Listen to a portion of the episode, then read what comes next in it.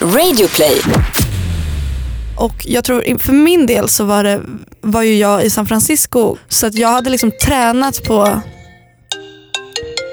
Hej, jag sitter och poddar. Jag kan ringa upp dig. Förlåt, fortsätt. Det gökar så mycket. Hade du ett research blowjob för den här frågan? Ja, men det är också research inför vårt sexliv. så Grattis det är ju bara... Isak. Så här suger man kuk. Hej Frida, Hej Flora. god morgon. Tack. Hur mår du? Ursäkta. God morgon, tack. Det säger man väl inte tack till? kan man väl säga. Nej, man säger god morgon. Typiskt dig, inte tillbaka.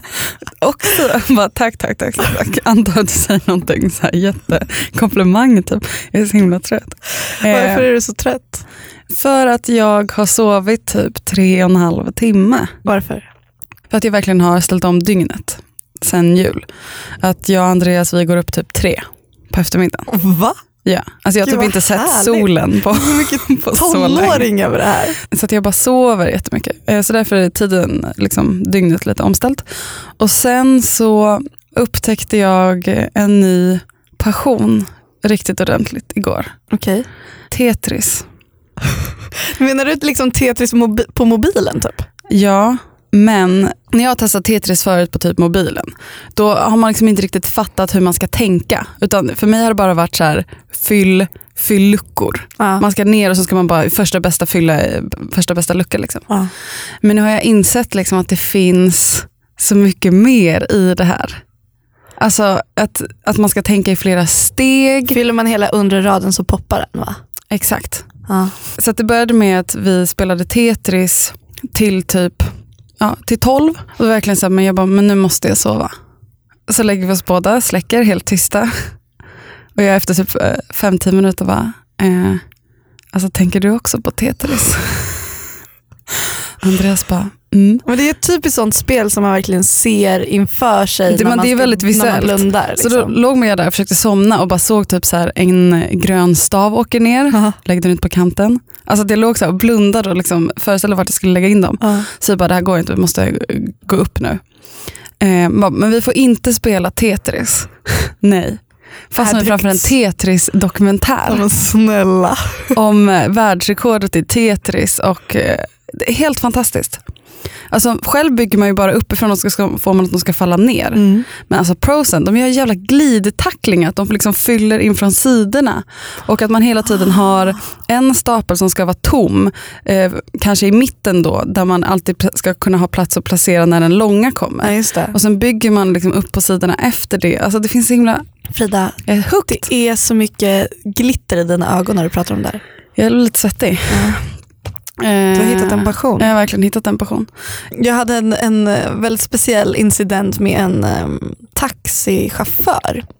Mhm. Jag gick från en klubb och jag var väldigt trött och tänkte ta tunnelbanan hem men hade skavsår och då måste jag gå tio minuter från tunnelbanan och bara bäh. kändes skitjobbigt. Och jag brukar väldigt sällan ta taxi för att, jag vet inte, det känns typ skamligt för mig att ta taxi för att, jag vet inte. Men jag har börjat mer bejaka det här. Så tänkte jag, okej men Flora, nu tar du en taxi. Och så, så beställde jag en och så kom den inte. Och så beställde jag en till.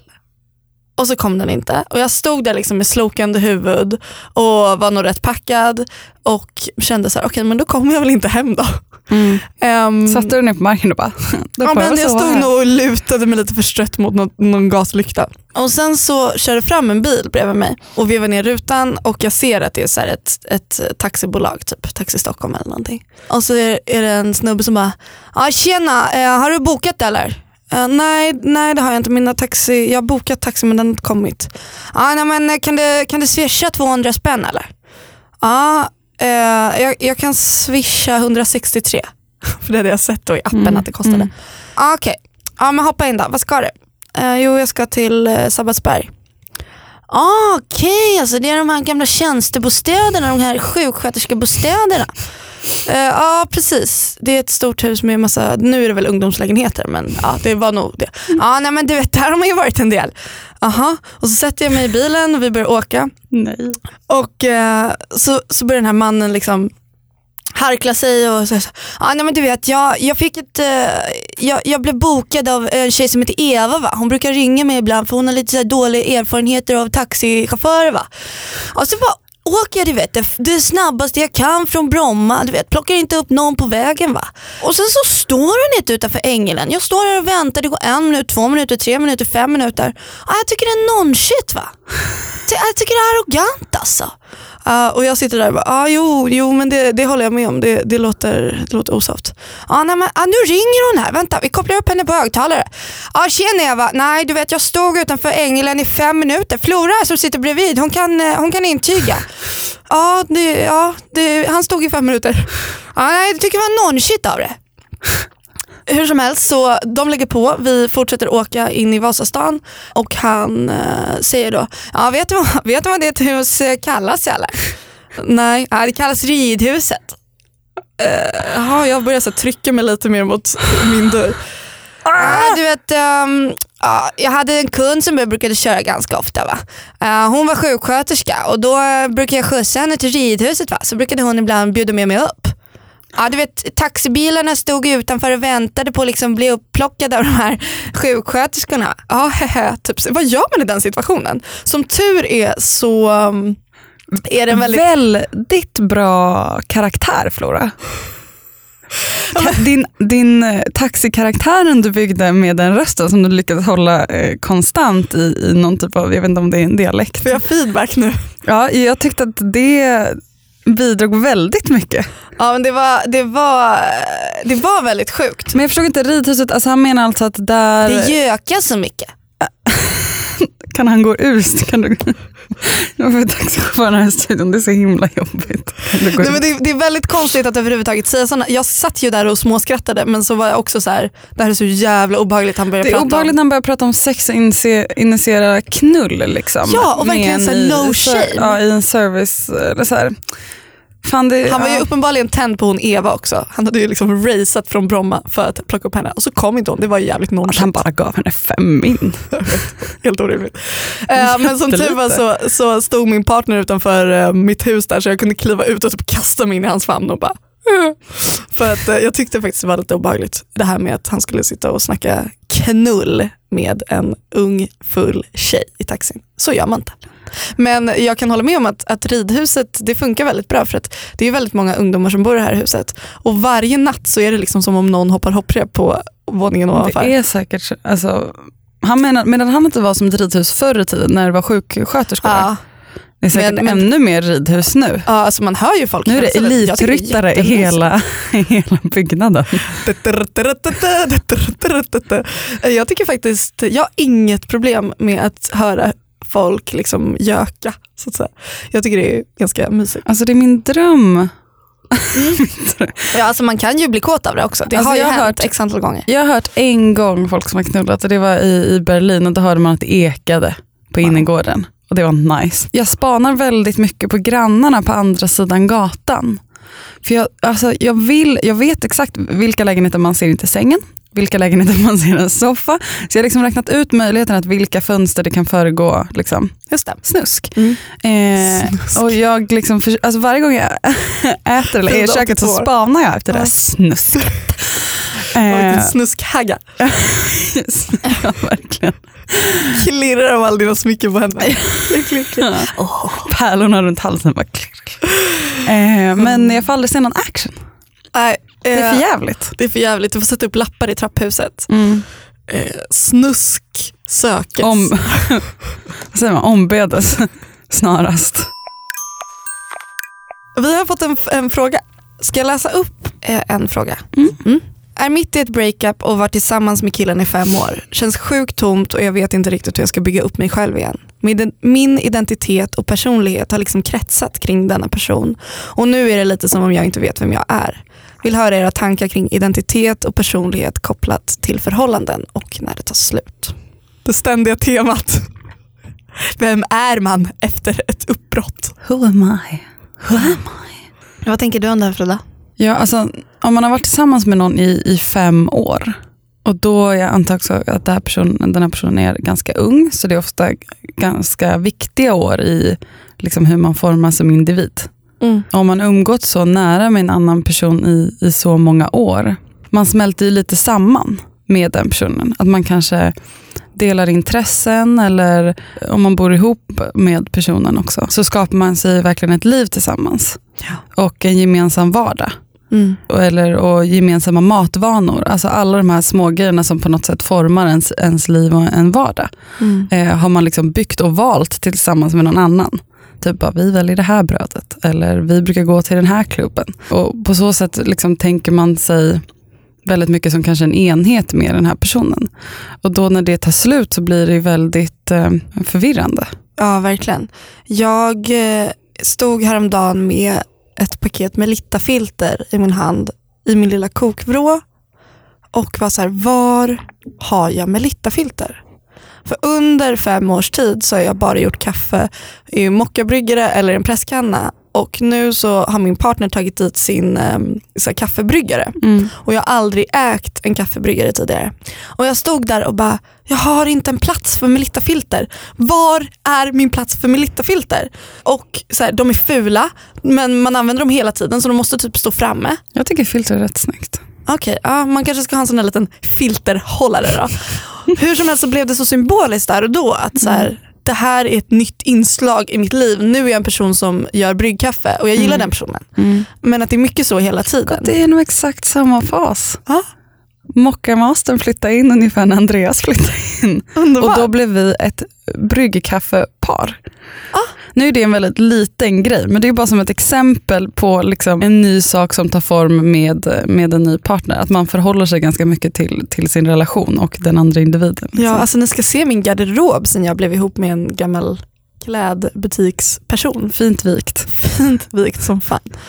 Ja, nej men så det är ju mycket sådana där förändringar som sker och framförallt så här, nu pratar vi om att gå in i en ny relation men också så här att att helt plötsligt finna sig i, i en sits där man är singel efter så lång tid är ju, det är ju jättemycket nya förändringar. Och jag tror för min del så var, det, var ju jag i San Francisco ganska nyligen innan jag och mitt ex gjorde slut. Och jag tror att det var skitviktigt för, sen, för mig sen när jag blev singel att då hade jag redan levt x antal månader själv. Men om man inte har gjort det och, och inte vet liksom alls hur, vem man är när man är ensam så är det klart att det kommer som en jävla chock. Mm. Men jag tror att man får se det också som en jävla möjlighet att, så här, att eh, liksom verkligen skapa sin identitet på nytt. Det är en väldigt skönt skeende i att eh, ha utrymme att eh, återuppfinna sig själv på något sätt. Verkligen. Jag tror att man inte ska, liksom, om man är mitt uppe i det, tror inte jag att man ska stressa så mycket i att, så här, att återuppfinna sig själv och, allting, eller, och alla de pusselbitarna, det kommer man tvingas göra ändå. Mm. Men eh, det kommer lösa sig. För en så viktig ingrediens i sånt här tror jag är tid. Ta ett tag och typ titta på serier, häng med vänner, bli full eller bli inte full, knulla eller inte knulla. Alltså man kanske liksom inte behöver så här, Jag tänker också på att det är så himla ofta man pratar om så här sitt ex eller sitt eh, förhållande då som man precis har gått ur som något dåligt. Men för mig var det också skitviktigt i mitt uppbrott att så här, titta på allt det göttiga som jag hade upplevt med mitt ex och så här, verkligen vara glad för det också. Att typ så här, gud vad fint att vi gjorde det här tillsammans och ta vara på det. Jag tänker en annan grej med, med identitet och eh, gå ur en relation. Jag tänker att identitet också, någonting som ringer in i identitet är på något sätt ens livsriktning kanske. Det gjorde i alla fall det för mig när jag gjorde slut med Matthew. För då hade vi så här, vi pratade väldigt mycket om så här, vi vill ehm, köpa lägenhet, vi vill, alltså väldigt mycket så här stabila familjegrejer. Typ så här, vi vill absolut ha barn, vi vill förlova oss, vi vill nog bo i Stockholm men sen vill vi kanske bo i New York och vi tänker så här, vi, vårt vardagsrum önskar vi se ut så här, vi ska döpa vårt barn till det här. Alltså alla de grejerna är, försvinner. Och det, det är läskigt. Det är skitläskigt. Man kommer ju alltid ha olika identiteter. Man kommer ha sitt tonårsjag eller sitt partnerjag, sitt singeljag. Och kanske den man är på jobbet och den man är kanske om man blir förälder. Och att jag tycker att det är en så ganska snäll syn på hur man definierar sig själv. Att så här, det kommer förändras hela, hela tiden beroende på vad man är och vad man vill. Men det gör ju också att man inte då måste klamra sig fast vid hur man har varit, hur man har tänkt att, att allt ska vara. Utan att det är så himla himla okej att bara så här, ändra helt och hållet. Jag ser verkligen inte identitet som någonting statiskt och bestående. Det är som att vissa personer sätter så mycket pride i att de alltid har varit på ett sätt. Typ så här, ja, men jag lyssnar på hårdrock nu och det har jag faktiskt alltid gjort sedan jag gick på dagis. Som att det Mm. gör det mer äkta att de lyssnar på det. Det skulle vara mer fejk om man byter musiksmak. Ja men alltså det där tänker, man, tänker jag också, så, så du och jag som jobbar med sociala medier. Det, blir väl, det handlar ju väldigt mycket om att vi ska eh, på något sätt eh, forma oss själva hela tiden. För vi ska hela tiden kommunicera vem vi är utåt. Jag såg på din blogg att du skrev typ såhär, jag är så jävla trött på Frida Vega. Ja, men jag hade psykbryt under jul. Uh, vill, du, vill du utveckla det? Jag tror att jag alltid har varit väldigt aktiv i mitt skapande av identitet och hur jag ser på mig själv. Och nu under jul blev jag bara så himla himla trött på det narrativet jag aktivt skapat för mig själv.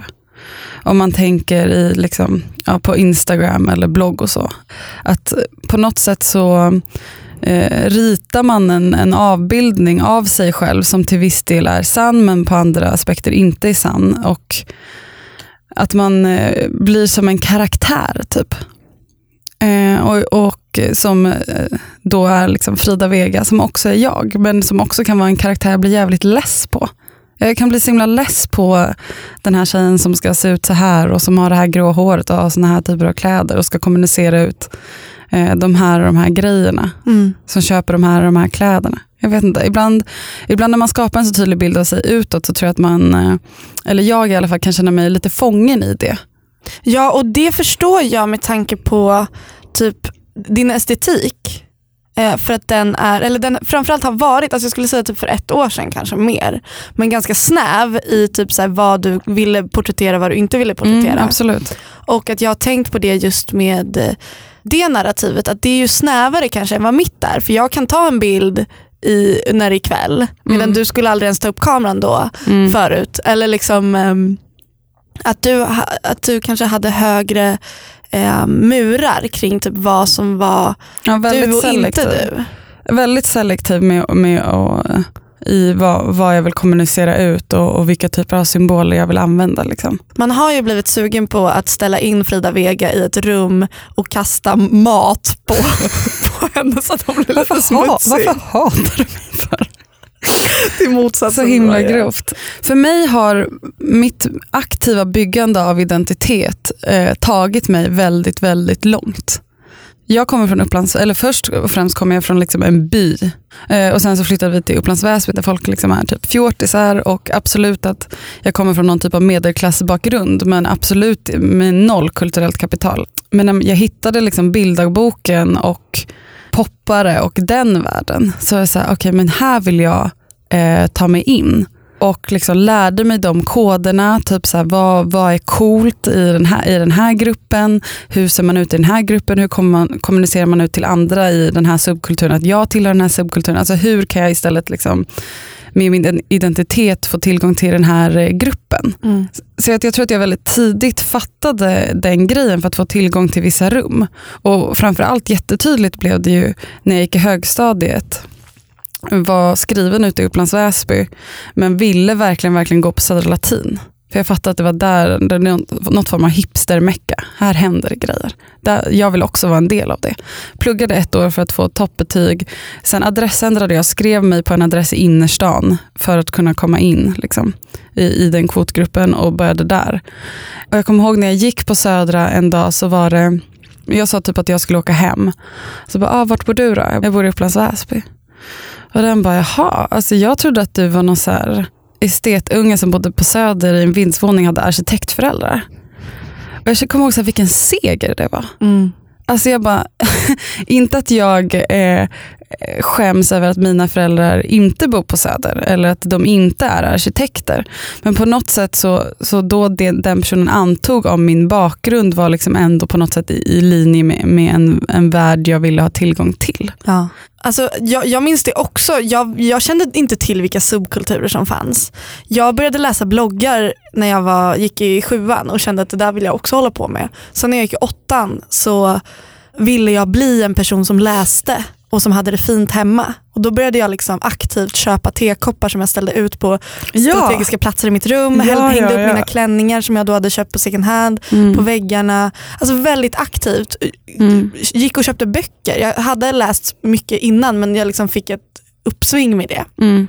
Och För att du ville vara en person som läser böcker Ja exakt. och få då hela det, hela det paketet på något sätt. Och då kommunicerade jag det i min blogg. Det här var ju innan Instagram. Nu är det mycket lättare att kommunicera vem man är eller skapa sin identitet när Instagram finns till exempel. Mm.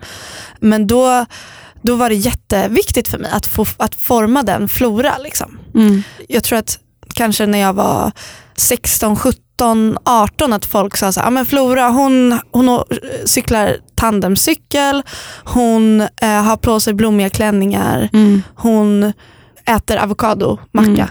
Det kommunicerar ju någonting. Alltså, Ja. Använder man de tre sakerna för att beskriva någon, det de tre sakerna säger är att man bygger upp en mer person för att man läser in innebörd av de här sakerna. Vad sa du? Vem, du äter avokado. Tänker man typ så, okay, vad är det för typ av person som gillar avokado? Eller vad är det för typ av person som också cyklar? Alltså det bygger ju upp en bild. Mm.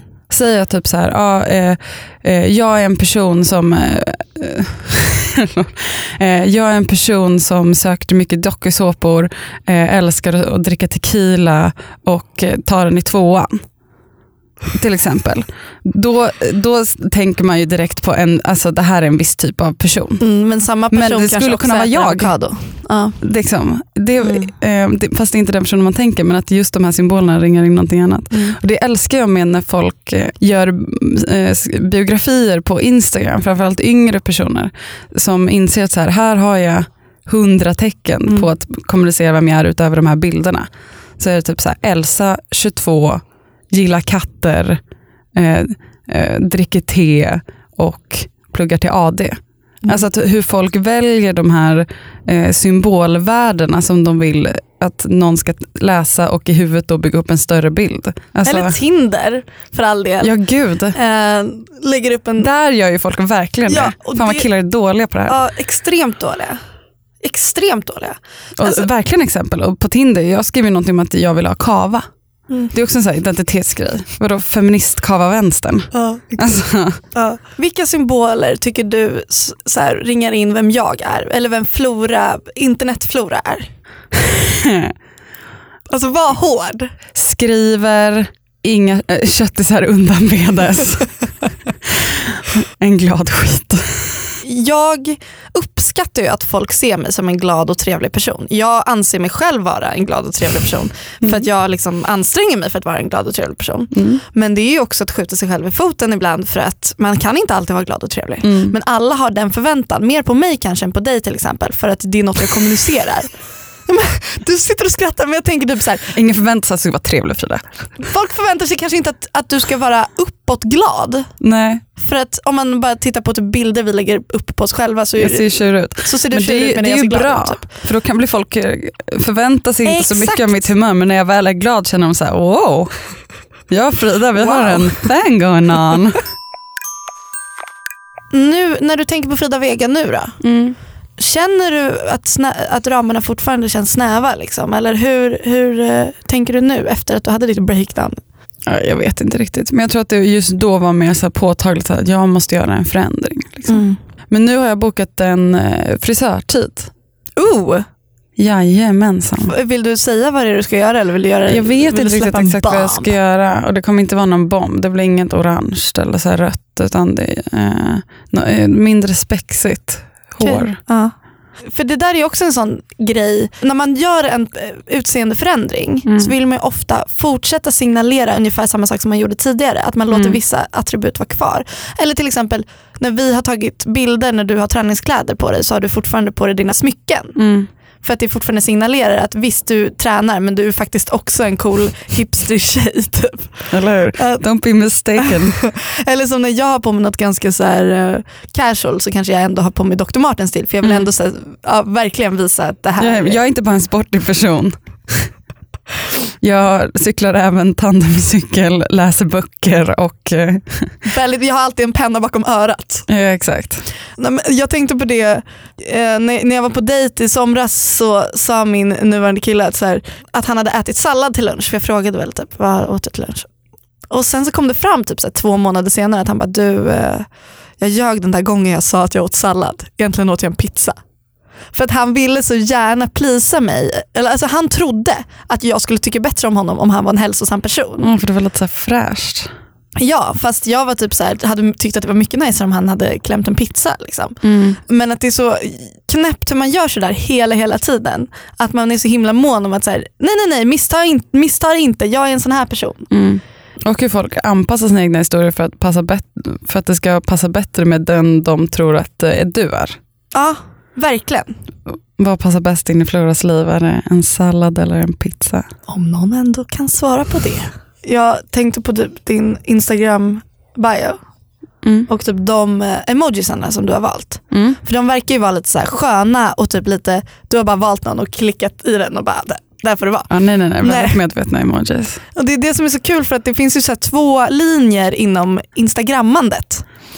Mina emojis nu tror jag är en, skorpion, en eld och någon liten cool radiogrej för podden. Mm. Ja, men då har du liksom valt dem för de Mm. ringar in typ lite vem du vill säga att du är. Men det finns ju två linjer inom instagrammandet och det är ju antingen att vara, alltså typ som mitt flöde, det är ganska uppenbart kurerat och det är ju ditt också att man fattar så här, de här personerna har lagt tid på det. Mm. Sen så finns det ju de flödena som, är, som ser så här fett casual ut men som man vet om man tänker ett steg längre att folk har tänkt minst lika mycket på. Mm. Att det ska vara så här självmedvetet osjälvmedvetet. Mm. Att det ska vara inget det, är ju, filter. det är ju fett äckligt. Vad menar du? Ja, men, alltså personer som demonstrativt ska visa att de tycker Instagram är töntigt och att de Mm. tycker att det är töntigt att tänka igenom det så de gör så himla anti-grejer. Typ istället för att instagramma en så här snygg frukost så ska de instagramma en tallrik där det ser fett grisigt ut och bara hashtag mat. Eller typ så här de tar en bild på sig själva, deras outfit ser lite tokig ut och skriver typ dagens outfit. Ja, nej men jag, jag, man blir ju jag less. Man Jag bara, men du less. gör ju precis det vi gör. Att du så här suttit och tänkt igenom det här, hur du ska lägga upp det här på ett humoristiskt sätt. Mm. Men utan visuell utdelning. Ja, men, och, och samtidigt genom att shamea alla som det är- alla som håller på och gör det, gör det liksom på det här och allvarliga våga stå sättet. för det. Eller hur? We're discriminated. Det är svårt. Livet som bloggare är svårt. Jag tänkte på en annan grej. Identitet är inom citationstecken god människa. Mm. Att, att man är mån om att så här, framställa sig som en god människa. Mm. Tänker jag. Att man vill, man vill visa att man gör rätt för världen. Nej, jag tror att också att det här beror väldigt mycket på grupp, alltså subkultursgrupp. Ah, jag ja, tror att i, ah, ja. i kretsen vi rör oss så är det liksom en statusmarkör eller, eller att det är en, en sån symbolism som läser in annat i. Inte att jag säger att alla feminister försöker bara vara goda människor precis på samma sätt att de vill kommunicera ut att de gillar att läsa böcker. Eh, Det är ett större samhällsengagemang hos vissa. Men det, jag tror inte att det är så i, i liksom muff. Nej men det är klart att det är, nu Det är snackar mer jag look at my inom- boat, bitch. Nu snackar jag om våra, våra kretsar. Ja liksom. exakt. Och alltså, jag menar, tar Beyoncé upp en cancersjuk liten flicka på scen och sjunger Halo till henne för att den här lilla cancersjuka flickan ska Eller bli det för att glad? Beyoncé vill vara en god människa? Exakt, ingen vet och ingen kommer kunna svara på det. Hon bara, kan någon ta upp en cancersjuk från publiken idag? De bara, det finns ingen. Hon bara, fan. Men från en sak till en annan eh, så tänkte jag att vi skulle svara på en till eh, lyssnarfråga. Vill dere berätta om deras bästa blowjob-tips? Jag skojar. Ja. VJ-tips. Eh, vi har alltså fått förfrågan om att snacka om hur man suger kuk. Från Vilde. Perfekt. Jo Vilde, nu ska vi tala. Ja, och eh, jag snackade med min snubbe om det här igår för jag var så här, hur ska jag kunna ge tips i det här. Visst jag vet ju vad du gillar men det känns också helt sjukt att jag ska sitta där och bara Så här suger man Först kuk. gillar Isak att jag slickar lite lätt på ollonet innan jag spottar lite i handen. Kan, kan, om mina kusiner eh, Freja Vilda till exempel eller mina bröder Frost och Viggo, om ni lyssnar nu kan ni typ stänga av för det här kommer bli fett intimt. Det roliga också, vi har pratat om det här tidigare i podden men, eh, en gång och det är ett, ett väldigt tidig uppfattning jag fick av Flora angående då vad man, vad man läser in för någonting om personer. Det var när jag inte kände Flora eh, och en kompis, eh, fast jag ändå visste vem Flora var på grund av hennes blogg och en kompis sa till mig, vet du vad jag har hört om Flora Wiström, hon älskar att suga kuk. Det var ju en av mina tidiga, tidiga bilder av dig. Och då tänkte jag att du var den här präktiga flickan liksom, som du skenar på bloggen med att du egentligen var men dirty. Mm. Ja, men jag, tycker, jag tycker att det är mysigt. Men, Jag ehm, gillar också väldigt mycket. Ja, eh, jag hade en sån här, en väldigt, em, inför det här så sa jag till min snubbe så här, okej nu går jag ner på dig och så vill jag att du ger mig feedback under hela eh, liksom. Vad är det här? Jo, alltså jag bara, du ska säga exakt vad du tycker är skönt, vad Hade du ett funkar. research blowjob för den här frågan? Japp, men det är också research inför vårt sexliv. så Grattis det är ju bara, Isak. Men det där, för så har vi nämligen Isak kommer börja skriva in frågor till podden som han vill att du ska ta reda på. Det kommer typ såhär, eh, vad tycker ni om hur har man bäst analsex? Skriver Isak på din blogg för att du ska vara älskling. Jag har en grej jag skulle vilja testa, alltså det är research-syfte. Han bara okej då. Men alltså jag kan verkligen rekommendera den grejen i alla fall. Att så här, ge, säg exakt vad som funkar och Mm. vad som inte funkar. För att det Mm. hände så mycket bara under den. Alltså jag fa- fattade då, han har kanske inte riktigt vetat hur han ska kommunicera vad han gillar eller inte. Men nu blev det så här väldigt tydligt. Bara, ah, nej, men gör så, nej, men lite hårdare där, lite Mm. bla bla. bla. Mm. Okej. Men Frida, vad är dina bästa eh, blowjob tips? Jag har två stycken väldigt tydliga. Okej. Ett. Sug kuk som att du vill suga kuk. Då menar inte jag att du behöver låtsas eh, vara en porrstjärna. Att så här svanka och typ stöna och bara ta den ner till roten. Eh, det är inte den grejen, men det är så här, ingen vill ha någon som gör oralsex på en som bara är där och liksom petar. Nej. Som, bara, som verkar typ lite rota efter någonting, lite trevande som att den inte vill. Vill du inte suga kuk, sug inte kuk. Och suger du kuk, visa att du vill suga kuk. Jag tror att det är liksom en, en jätteviktig grundgrej. Liksom. Antingen gör man det helhjärtat eller så, eller så skiter du i det. Säg bara jag vill inte eller typ runka lite eller så här, gör något annat. Liksom. Mm. Men, men vill suga kuk. Eh, två, eh, mycket saliv. Mm. Alltså om du vill suga kuk och använder mycket saliv, då tror jag att det löser sig. Ja, och jag, min erfarenhet är också att folk ofta gillar när man spottar på dem. Ja, Mm. Eh, Så det kan ju också vara en, en, en triggande grej. absolut. Och typ så an, angående typ så tekniker, vad man ska göra med tungan, hur man ska suga, om man ska använda händer, ska pungen involveras? Alltså alla sådana livsfrågor. Det kan man ju kommunicera med, med den personen man gör det på. Ja men om man har ett one night stand så kanske man inte vågar det. Det är därför vi ska försöka prata om det här nu Frida. Vi kan inte bara, ni löser det där. Det var jättetråkigt. Okej, Okej, jag, men, men även om det är one night stand så tycker jag att man kan fråga. Jag Ja. tycker, jag vill också flagga lite så här, mer kommunikation.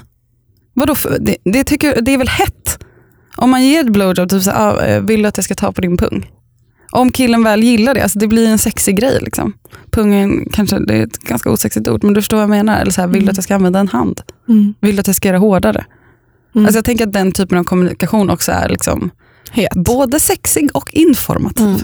Jag tycker också att det är supertydligt hur olika folk vill ha det. Så man kan Mm. aldrig förvänta sig att ens ex ska ha samma preferenser Exakt. som ens nuvarande Men det märker jag verkligen att så här, jag sög nu, alltså på olika, alltså på min tidigare partner så gjorde jag eh, saker lite annorlunda. Ja, alltså, så det måste man ju vara väldigt lyhörd inför.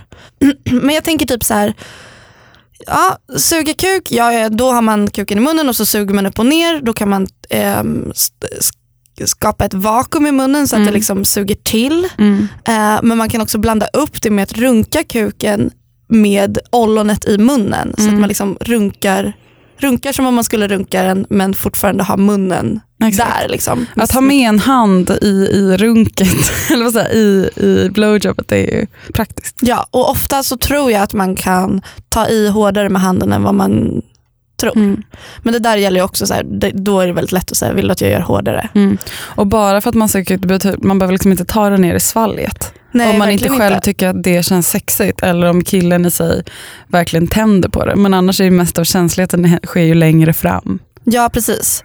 Men också så här, suga på, på Pungen! pungen. Det är så jävla jobbigt ord. Alltså så här, suga in en punkkula i munnen eller typ slicka på pungen. Pungen behöver en PR-konsult som kan rebranda den kroppsdelen. Eh, Min kille är ju PR-konsult så jag sätter Kan honom inte på uppdraget. Beijo ta an pung? Och sen, sen alltså så här, ett finger i rumpan. Det är kanske också lite så här, det kanske man inte gör det första man gör men man kan också så här, göra det försiktigt och sen bara gillar du det här? Och jag tror i många fall så kommer man märka Jag att aldrig folk gjort det. på Okej, killar. men, men det handlar inte om att sticka in ett helt finger utan det kan Nej. verkligen vara ett, ett fingertopp i mynningen. Liksom. Men jag har förstått att killar gillar det och har inte haft uppe diskussionen. Men, Mm. men jag undrar om det är så att det är så shameat för killar att de ändå inte riktigt vågar säga att de vill det. Eller om det är så, Så, att, så är det garanterat. eller om, om folk är bara så himla rädda, rädda för att eh, testa. Ja, alltså, folk är också rädda för att det typ ska lukta bajs tänker jag. Mm. Men jag tänker om man har duschat och det är inga konstigheter. Det tycker jag är super nice att ha ett finger där medan man suger. Alltså, Mm. Det är supermysigt. Men också så här, att, att låta den här personen också ta på en under tiden och inte för kanske min njutning utan för att Mm. det kan vara så en upphöjande faktor och hålla ett bra tempo men inte heller så här, tro att man ska skaka en ketchupflaska tills det bara sprutar utan Mm. verkligen vara så här ja, men testa olika och sen får man väl lyssna till vad som man tycker. Man hör ju när någon tycker att det är skönt. Sen tycker man verkligen att man kan säga så här, jag vill att du jag vill höra dig komma eller jag vill höra dig, jag vill säga till, eller liksom uppmuntra stön. Mm. För vissa är ju knäpptysta och då är det helt sjukt Ja, svårt. man undrar lite vad man gör där då. Ja, då alltså, jag vill ha inter interaktion från killen. Jag vill att han tar på mig eller att man pratar med varandra också. Mm. Alltså, eh, och Sen får man också tänka på att det finns väldigt många mm, ställningar. Alltså jag tänker att killen kan ligga på rygg, killen kan sitta, killen kan vara liksom över en eh, och så vidare. Mm. Och så behöver man absolut inte ta en sats i munnen om man inte vill. Nej, eller så gör man det om man vill det.